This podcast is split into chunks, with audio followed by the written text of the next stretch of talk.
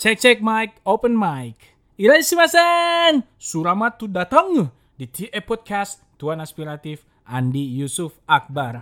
Carut marut multidimensi yang tengah dihadapi negara tercinta kita harus disikapi dengan aksi dan pemikiran yang intelektual.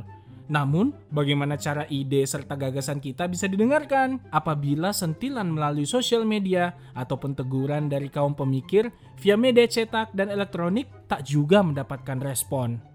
Nah, di sini nih friendship, demonstrasi atau aksi turun ke jalan salah satu caranya. Shout out dulu untuk Antung Andri Tunggara, Yoyo Sugema, Kurniawan Dwinata, Faridon, dan terspesial untuk Fadli Pidong dan seluruh friendship yang setia dan bahagia setiap podcast ini upload episode baru. Mengutip dari buku catatan demonstran, tulisan aktivis ternama Sohokgi. Ia berkata, Bagiku ada sesuatu yang paling berharga dan hakiki dalam kehidupan. Dapat mencintai, dapat iba hati, dan dapat merasai kedukaan. Tanpa itu semua maka kita tidak lebih dari benda. Berbahagialah orang yang masih mempunyai rasa cinta yang belum sampai kehilangan benda yang paling bernilai itu. Kalau kita telah kehilangan itu, maka absurdlah hidup kita. Cinta, iba hati, dan kedukaan.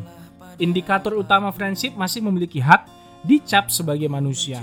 Selama tiga hal tersebut tetap terasa dalam sanubari, maka manusia adalah kita, kita adalah manusia. Aksi ribuan warga turun ke jalan tanpa perlu diperdebatkan adalah cerminan rasa cinta nih friend cinta terhadap demokrasi, serta iba kepada produk hukum buatan para pemangku kebijakan. Negara tidak akan ada tanpa rakyat. Nih, ingat nih. Dan rakyat tanpa pemerintah hanya akan menjadi sekumpulan individu tanpa tujuan. Masing-masing membutuhkan satu sama lainnya. Simbiosis mutualisme. Oleh karenanya, semoga rentetan aksi yang terjadi tidak bergeser dari cita-cita luhur keinginan reformasi yakni pemerintah yang pro rakyat serta terciptanya produk hukum yang aspiratif. Yang gimana ya? Hmm, menjadikan rakyat sebagai rekan diskusi utama dalam setiap perencanaan produk legislasi. Nah, jargon-jargon yang tertulis di sebagian besar spanduk demonstran tuh sebenarnya kalau kita lihat jauh dari kata represif.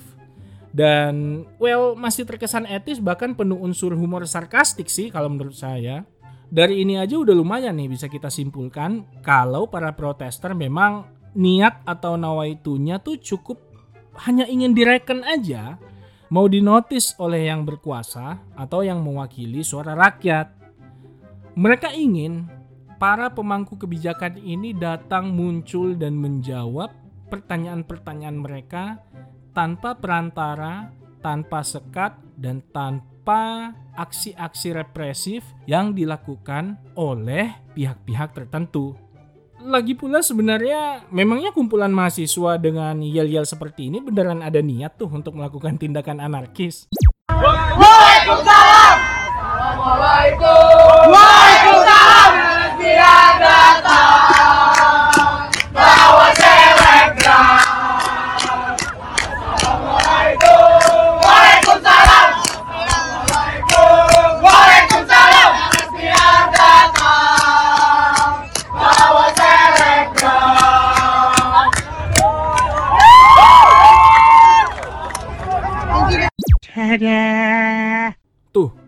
Gitu. Dari yel-yelnya aja udah ketahuan nih. Mereka bawa dua hal. Tuntutan dan panutan.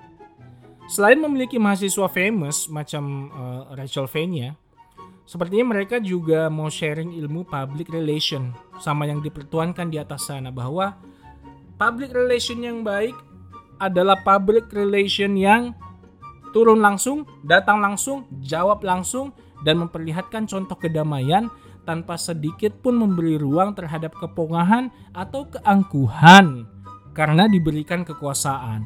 Cuma kadang beberapa orang juga akhirnya takut tuh untuk menyuarakan aspirasinya. Karena awalnya pengen menyampaikan yel-yel yang sedikit lebih tajam, sedikit lebih nyelekit, tapi nantinya malah berubah jadi Assalamualaikum, Waalaikumsalam ada orang datang bawa pentungan. Wah, tapi emang demo kemarin tuh one in a kind sih, friend. Curiga saya ini, mahasiswanya pada KKN di desa penari. Tulisan di spanduknya itu loh, kreatifnya level supranatural, men. Ataukah memang ada campur tangan dari alam gaib, dunia persantetan, perpeletan, atau ketempelan jin cerdas? Makanya captionnya tuh pada ajaib semua tuh ya kan di spanduk-spanduk yang mereka bawa pada saat hari aksi. LOL! Jangan salah, orang yang ketempelan bisa berlangsung selama bertahun-tahun. Jadi orang-orang yang cerdas tuh harus dicurigai nih friend. Karena kalau menurut saya itu lebih baik kita menjadi orang yang baik daripada kita menjadi orang yang cerdas.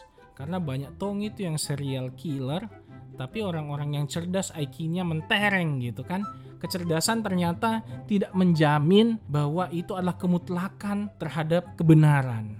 Jadi makanya I prefer to be a good person rather than a smart person. Nah, balik lagi tuh ke soal surup-surupan. Jadi berbeda dengan kesurupan, ketempelan itu tidak akan membuat Anda Anda sekalian hilang kendali atas kontrol diri tuh ya. Ketempelan pun bisa terjadi secara tiba-tiba dan tanpa sadar. Jadi pastikan dulu nih friend, mata kamu itu perih pada saat aksi, susah nafas karena rekayasa jin atau kena tembakan gas air mata. Salah satu ciri yang paling sering ditemukan dalam perkasusan perkerasukan adalah biasanya punggungnya terasa berat. Berat punggungnya itu terasa pegel, bukan pegel biasa. Ini dirasakan di bagian belakang leher dan itu juga bisa membuat pusing. Ciri lainnya adalah tiba-tiba meramal nasib orang lain. Tiba-tiba bisa menjadi semacam Severus Snape gitu kan, peramal, penyihir hitam. Semacam sotak-sotak berhadiah lah jadi pastikan sebelum demo, antum-antum sekalian paham betul nih materi terkait tuntutan aksi. Karena kalau demo based on iseng-iseng berhadiah, maka serem soft. Bisa aja you dirasuki sesuatu. Namun entah apa. Entah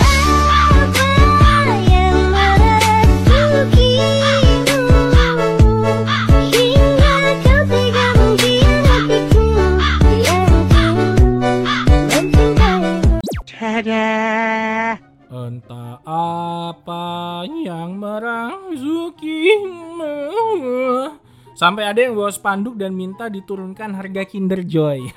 Ini sepakat sekali nih saya ini. Sesuai tuntutanku friend Di podcast episode 5 kemarin Tutorial akrab dengan penipu. Silahkan didengarkan. Terus ada juga nih yang nulis Asap ini menghalangi ketampananku. Walah jelas ini tuntutannya tentang bagaimana pemerintah segera menyelesaikan permasalahan karhutla di Riau dan provinsi lain yang terpapar asap dari kebakaran hutan dan lahan. Tapi yakin asap itu menghalangi ketampananmu atau mukamu memang yang mirip asap? Mendengarkan tuntutan demonstran adalah juga bagian dari partisipasi pemerintah dalam bernegara tidak selamanya tuntutan harus segera dieksekusi dong. Karena salah satu proses yang harus dilalui adalah diskusi. Jadi inilah yang harus diluruskan terlebih dahulu bahwa salah satu teknologi demokrasi yang kita sepakati adalah kemerdekaan menyampaikan pendapat. Nah, namun pendapat itu kan tentu berdasarkan dari akumulasi pemikiran masyarakat itu sendiri karena tentu permasalahan yang ada di negara kita ini multidimensi, friend. Nah, oleh karenanya dengan adanya krisis atau permasalahan multidimensi ini tentu jalan keluarnya juga tidak bisa ditemukan secara instan. Maka perlulah upaya-upaya dari pihak pemerintah untuk menyelesaikan one by one. Setiap pemerintah ingin mencari jalan keluar atau solusi dari sebuah permasalahan, itu memang butuh waktu, friend. Jadi, pokoknya dua pihak ini either masyarakat, pemerintah, tokoh agama, negarawan, semuanya memang harus bersatu memberikan pemikiran-pemikiran yang jernih bahwa aspek dasar dari bernegara kerjasama dong, ya kan? Tapi please jangan sekalipun menganggap masyarakat itu adalah musuhmu gitu loh. Karena kekerasan yang terjadi bukan hanya mencederai demokrasi itu, tapi juga membawa kesedihan terhadap pihak keluarga yang telah menjadi korban aksi protes kemarin terjadi. Nah, mudah-mudahan melalui podcast ini juga masyarakat friendship bisa tahu dan juga bisa menyebarluaskannya melalui sosial media at Andi Yusuf Akbar baik Twitter maupun Instagram. Semoga Indonesia menjadi bisa lebih baik lagi. Pemerintah pun mampu menyelenggarakan negara ini menjadi lebih baik, menjadi lebih rukun, aman dan sejahtera. Oke? So, thank you banget nih friendship udah dengerin podcast episode ini. Sekali lagi kita semua bertanggung jawab untuk menjaga keutuhan bangsa dan mengingatkan kepada mereka untuk bijaklah dalam bernegara. Andi Yusuf Akbar undur diri. So until then, sampai jumpa.